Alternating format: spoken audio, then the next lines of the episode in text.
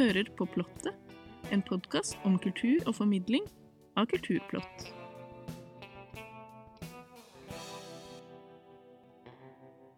Denne julen har vi besøk av hele 29 artister. De gir oss et innblikk i det de liker aller best – musikk, formidling og kreativitet. I hver episode får vi også en tekst om mytene ved julen, skrevet og fremført av forfatter, dramatiker og mytolog Terje Nordby. Så her er det mye å glede seg til. Mitt navn er Ellen Lund.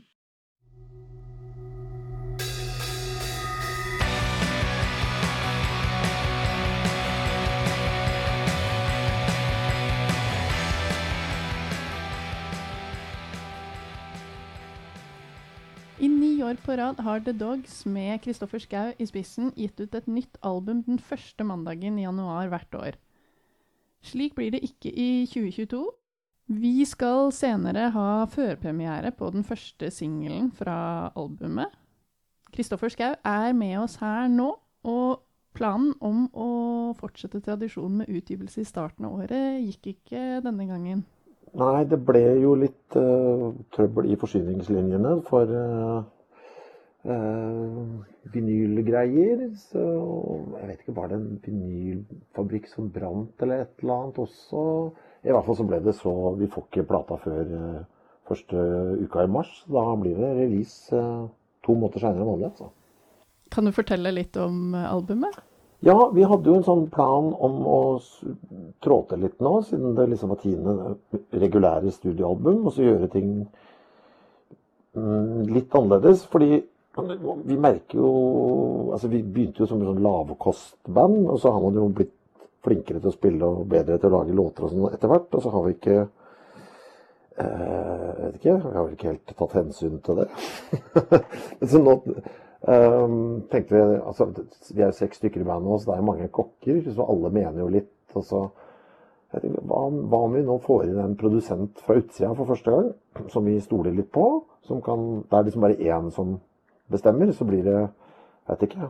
Tanken var at det skulle bli litt mer biff enn uh, en, uh, lapskaus, som det jo blir når vi er fullt demokrati. Så vi, tenker nå bestiller vi en sjef. Så da leide vi inn eh, Chips K, han gitaristen fra Sator som har spilt litt med Tåstrøm og ja, produsert helikopters og litt sånn forskjellig. Vi liker jo liksom det han gjør.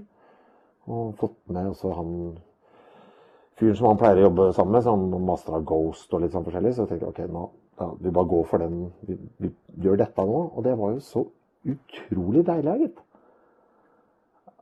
Altså bare Ja, man kunne liksom Jeg vet ikke. Det var akkurat som man gikk inn der og visste at man ikke skulle krangle etterpå. Så det var en veldig sånn befriende sånn studiosession. Uh, en annen som sier fra 'nå er det bra', istedenfor at vanligvis har vi alltid hatt en av våre egne som har sittet i kontrollstolen og helt tiden drive og spør 'er du fornøyd', 'hva syns du om taket', og sånn. Og så var det bare det er en annen som sier 'der var han', og sier kanskje 'der var han' på et annet tidspunkt enn vi normalt ville gjort. da. Så det, og så kom jo miksen ut på andre enden her, og så bare 'Å ja'. Det kan høres sånn ut, ja. Det kan høres så dyrt ut, ja. Å ja, det var litt gøy. Så det var, nei, det var utrolig sånn energiboost for bandet å gjøre det på den måten. altså. Det var gøy. Ja, Ble det annerledes enn dere hadde tenkt? Nei, så Instrumenteringa og låtskrivinga er jo så satt, så du hører, det er jo ingen tvil om at det er oss på noen som helst måte, men det høres Ja, det blir litt andre valg, da. Litt uh, tydeligere, sånn at han på en måte I produksjonen så velger han seg ut sånn kanskje sånn OK, vet du hva, her skal, akkurat her skal være kjempehøyt piano. Hvor vi normalt kanskje ville ha tenkt dette. Vi dytter den og gjemmer den litt i bakgrunnen. Og, og nei, denne soloen skal jeg virkelig løfte fram. Han gjør litt sånne ting. Altså, vi har jo vært litt mer sånn alle må få sitt. Så alle som har spilt på denne låta, må høres like godt til enhver tid-aktig uh, tankegang. Eh, mens han har liksom da kunnet være litt mer diktator da, og trekke fram de tingene, enkeltpartiklene i låtene som er kule, da, og fokusere på de. Så det har vært eh, Jeg vet ikke, han har sikkert en mer sånn pop-tilnærming til det enn det vi har. Og litt mindre demokratisk, da. Som er en, en fordel og en ulempe med alle band. Hvordan har dere jobba ellers med dette albumet? Altså før, før dere gikk inn i studio? Da var det en ganske sånn annerledes uh, greie. Vi Mm, når vi bestemte oss for å jobbe med chips, og det gjorde vi jo før pandemien brøt ut, så hadde vi 20 låter klare. Uh, så sendte vi bare alle demoene til han, og så sa vi til han hvilke ti liker du best. Og så valgte han ut de, og da er det disse ti. Og da tok vi de ti vi hadde igjen, på en måte. De som han ikke ville ha. Og det ble jo da, det albumet som vi slapp eh, tidligere i, i år. Uh, og det betyr jo at da disse låtene som nå kommer i år, har da vært i kverna i, i to år. da, Og så lenge har vi jo aldri hatt låter liggende. Uh, og, og, kunne liksom fikle på det et helt år ekstra, mer enn det vi pleier.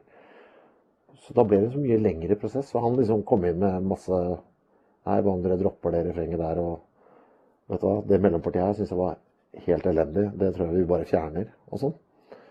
Uh, ja, så jeg føler det er litt sånn mer presist, da, skiva her. Og så har vi brukt mye lengre tid på det, da, som er veldig uvant for oss. Og sånn sett så var det litt deilig, altså, med den der utsettelsen nå. For da har vi på en måte ufrivillig brutt mønsteret av å gi ut en skive i året. Så nå kan det hende at uh, vi fortsetter i samme stuke. Altså får lagd 20 demoer, sender til Chips. Han velger. Sånn at det blir halvannet år, år imellom, da. Eller et eller annet. Så at dere ikke fortsetter med første eh, mandagen i januar lenger? Kanskje vi skal erkjenne at uh, uh, selv om det har jo vært helt fantastisk gøy og veldig bra sånn gasspedal for uh, hva skal jeg si, progresjon, så er det jo et eller annet med Kanskje vi skal være oppføre oss som voksne og kanskje bare gi ut de beste skivene vi kan. ikke bare altså for man må, et eller annet Når du stresser det såpass man, Vi kunne jo alltid ha fått det. Alle skiver som har vært, har vi kunnet gjøre enda litt bedre hvis vi bare hadde ikke stressa så opp mot deadline. Uh, så vi kan jo være litt hyggeligere mot de som har fulgt oss i så mange år nå, og kanskje gi dem et enda bedre produkt, da, tenker jeg. Kan du si noe om tekstene på dette albumet? Ja, og Det er så bra du spør om det. For, eksempel, for nå er dette, dette er jo da to år gammelt. Og teksten er jo det, det, eneste jeg ikke har måttet forandre på. Eh, for det Chips stort sett gjorde, var jo å fjerne partier. Så dette er jo noe ting jeg skrev for to år siden. Eh, skal vi se Nei, ja og ja. Nei, ja, ja, men det er likt. Se. det er klaging. Det er klaging? Mm. På Nei, alt mulig. Det er jo, det er jo jævla sutrete band. Det er, det er min skyld, jeg som skriver alle tekstene, selvfølgelig. Men det så, jeg syns det er så gøy å klage i, i tekstlig. Ja, men det blir sånn, for det er gøyest. Og så har jeg under pandemien så ble jo Jeg ble jo helt gal. Jeg, jeg vet ikke, det skjedde Jeg ble mista forstanden. Så jeg hørte bare på én plate et helt år i starten her, og det var den plata til Spanish Love Songs, 'Brave Faces Everyone', som jeg ble tipsa om av eh, en som heter Odin, som pleier å gå på konsertene våre. Og det var altså så førsteklasses klaging. Altså det var altså sutring på et sånt verdens, altså Det var verdensklasse i sutring. Det er den beste klagingen jeg har hørt i musikk noen gang, og fantastisk bra plate. Og så jeg bare OK, det, såpass eh, så bra kan det gjøres, ja. Så jeg fikk liksom noe å strekke meg etter. Så nå, nå har jeg liksom fått en sånn hellig gral som jeg må prøve å, å, å, strekke meg mot. Den skiva var så bra at jeg stjal en tekstlinje fra bandet. Uh, Post Mortem Portraits of Loneliness, som de sier i et eller annet sted inn i en av låtene. Og så kalte vi bare siste skiva for det. Den forrige som kom nå i år. Hvor viktig er tekster og, og historiefortelling for deg? Det var ikke det i starten av når jeg begynte å spille band, da. Men, eh, for da var jo tekst, som for de fleste som spiller band, et, et, helvete. Det var bare noe dritt du måtte få på plass for å kunne ha noe å si, holdt jeg på å si. For ikke bare lage lyder. Men så begynte man jo å gi ut skiver, og da står jo teksten som oftest på innecoveret. Og, og da begynner man jo å skamme seg. Bare Å nei, å nei, å nei. Så nå Det blir jo viktigere og viktigere for meg at jeg, jeg, må, jeg må jeg må tåle å kunne synge det fra en scene. Men det, der kan man liksom kamuflere det med litt sånn høy lyd og dårlig diksjon, hvis det er noe som er dårlig. Men uh, det viktigste er at jeg må, kunne, jeg må, kunne, tåle å se det stå på trykk uten å skamme meg helt Ja, det, det, det, det er punkt én. Det må være såpass at det liksom kan tåle å leses. Uh, og så er det jo et eller annet med å få det til uh, jeg vil at det skal være en historie på et eller annet vis. Altså. Jeg, vil, jeg, er ikke så glad i de som Jeg merker sjøl at jeg liker ikke eh, ting som er helt vagt. Og så liker jeg ikke at det er helt overtydelig heller. Men så man må liksom tørre å være litt tydelig òg. Så folk kan uh, henge med. Jeg synes Det er ganske interessant å høre på den siste Taylor Swift-skiva. Den uh, Taylors version av Red. For da har hun jo sluppet jævla masse ekstraspor ikke sant? Fra, fra den session. Når hun Ja, der er jo jeg vet ikke, er 15 ekstraspor eller noe sånt nå. Og der hører du jo hva hun har valgt vekk. Og da og det, ble liksom, det synes jeg var interessant, for da merker jeg at det er jo et par jævlig bra låter hun har valgt bort. Men der er det ofte tekster som er For hun er jævla god, syns jeg, på å holde det akkurat innafor. Du skjønner veldig tydelig hva det handler om, men er såpass allikevel løs i formuleringen at du kan danne deg noen egne bilder rundt det da, og finne noen sånne små sånne enkeltting. Du er jævla god på tekst. Men da ser du også at et par av de låtene hun valgte å ikke ha med, er jo gjerne de som er som akkurat bikker over kanten i å være overtydelig. Øh, og kanskje, ja, Hun tok ikke den siste veiva med å fjerne et par av Du tåler tre klisjeer, men du, du, tåler ikke seks, liksom. I en tekst, da. Nei, Det syns jeg var kjempeinteressant å høre på. For det var bare sånn Faen, faen Taylor, du kunne ha Den der øh, hadde blitt et monster hvis du bare hadde justert de tre der. Men på den annen side, herregud, den skiva ble jo så bra, så det var ikke som om hun trengte det. Den skiva altså, er spilt i hjel. Den timinutteren uh, på slutten der, det er altså et, et mesterverk, syns jeg. Håndverksmessig.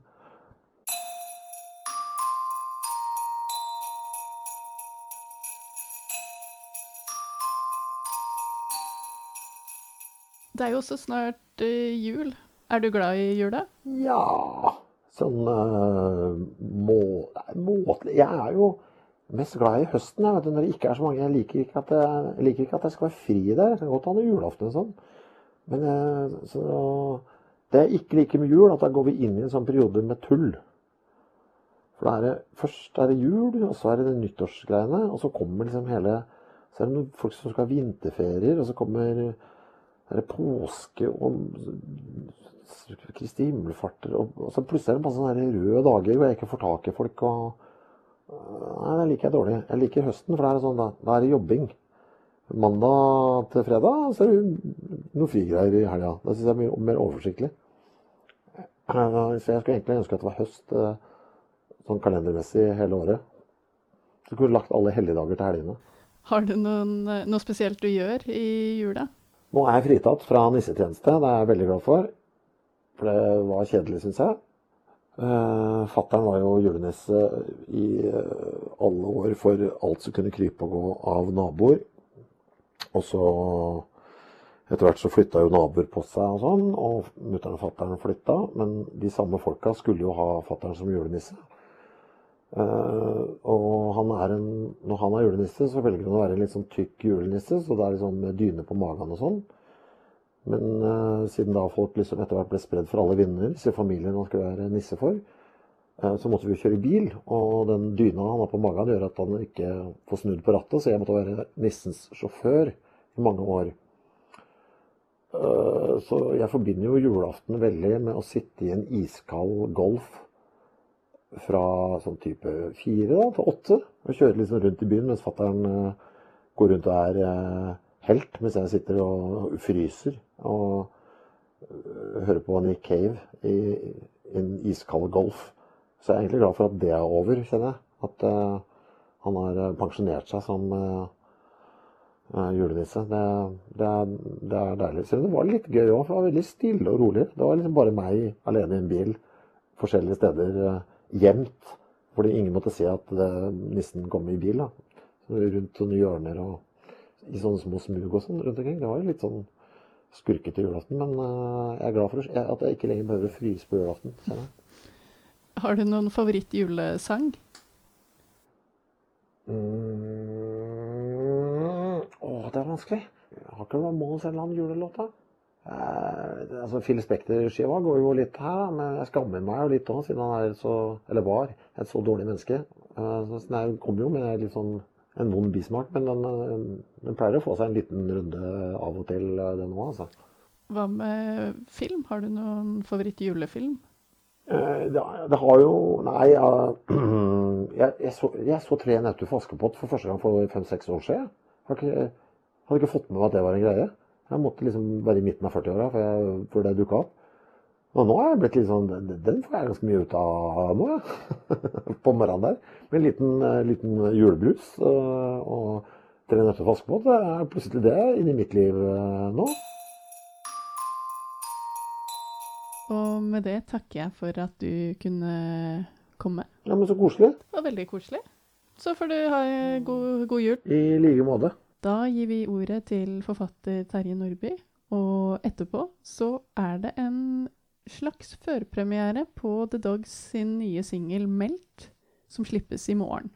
På denne dagen begynner Las Posadas i Mexico for å minnes Den hellige families reise til Betlehem, slik fortellingen er gjengitt i Lukasevangeliet. Maria skal føde, men som det står, det var ikke plass til dem i herberget. Posada betyr herberge. Ritualet kan spores tilbake til baskeren Ignatius Loyola. Han foreslo spesielle bønner som skulle fremsies ni dager i strekk før julaften. Bønnene ble satt sammen til et julespill som spanske misjonærer brukte til å spre budskapet i Mexico. De samme ni dagene hadde folk tidligere feiret den aztekiske solgudens fødsel. Paven ga tillatelse til en ekstra kirkefest med begrunnelse at de ni dagene kunne stå for de ni månedene i Marias svangerskap. Teologer er oppfinnsomme når det trengs. Markeringen begynte som et kirkespill, men ble, preget av utagerende glede, brakt ut på gatene.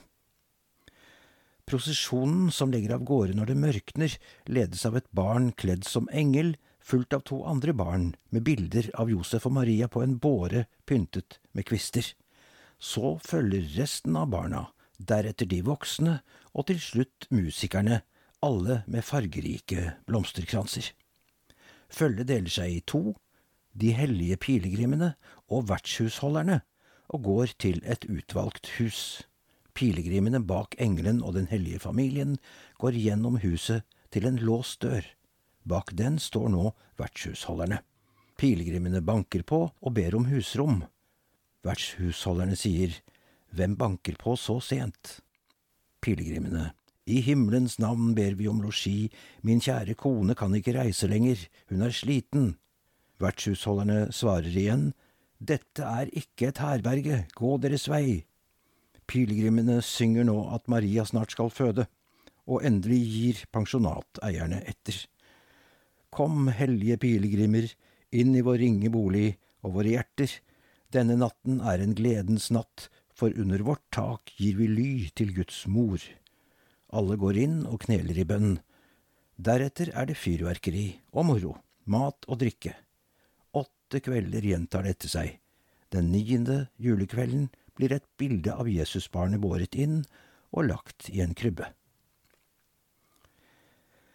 Johannes av Korsets sang kunne stått som en poetisk kommentar til Las Posadas. Om du bare ønsker det, kommer hun imot deg, møter deg med lys og sang, på din mørke vintervei ser hun mildt på deg og ber deg om å stanse opp. Hun, en hellig jomfru, nå er hennes time nær. Hun skal føde, og hun ber om å få ly hos deg. Langt der inne i sjelen din griper hun din hånd, hun trenger hjelp fra deg. Til verden kommer et hellig barn, livets under skjer med deg. Jubel i hjertet, barnet er født, vern om det barnet bestandig.